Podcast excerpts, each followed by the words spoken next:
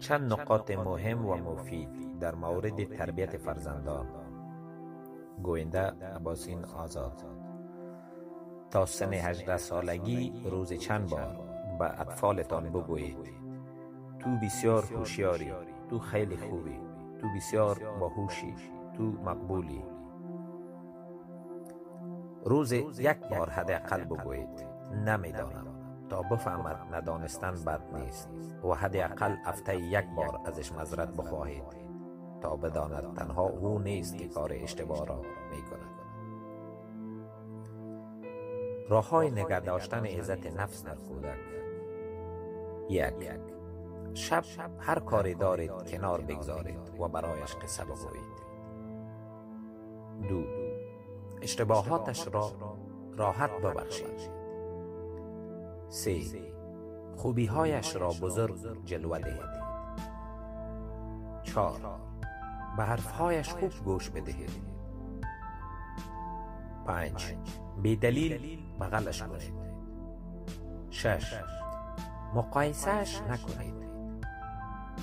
اف اگر این کار را نکنی وای به حالت. یعنی اختار ندهید. اشت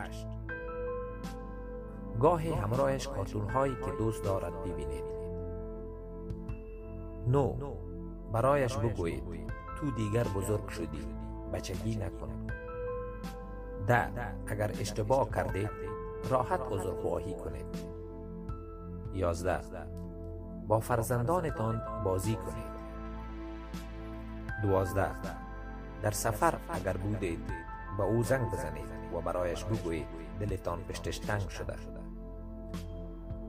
چارده روابطتان را با همسرتان ترمیم و تصحیح کنید.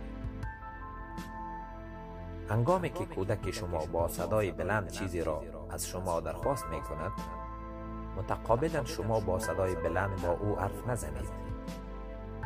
صداها را رنگبندی کنید. صدای هاران یعنی آبی صدای بلند یعنی سرخ. مثلا بگویید این صدای بلند سرخ است و من به صداهای سرخ جواب نمی دهم یا اینکه آفرین. حالا این صدا آبی شد و من جواب می دهم باید داشته باشید که لحن شما باید آرام باشد تا کودک با آرامش حرف زدن با مخاطب را یاد بگیرد. به هیچ وجه انگام داد زدن کودک شما هم داد نزنید.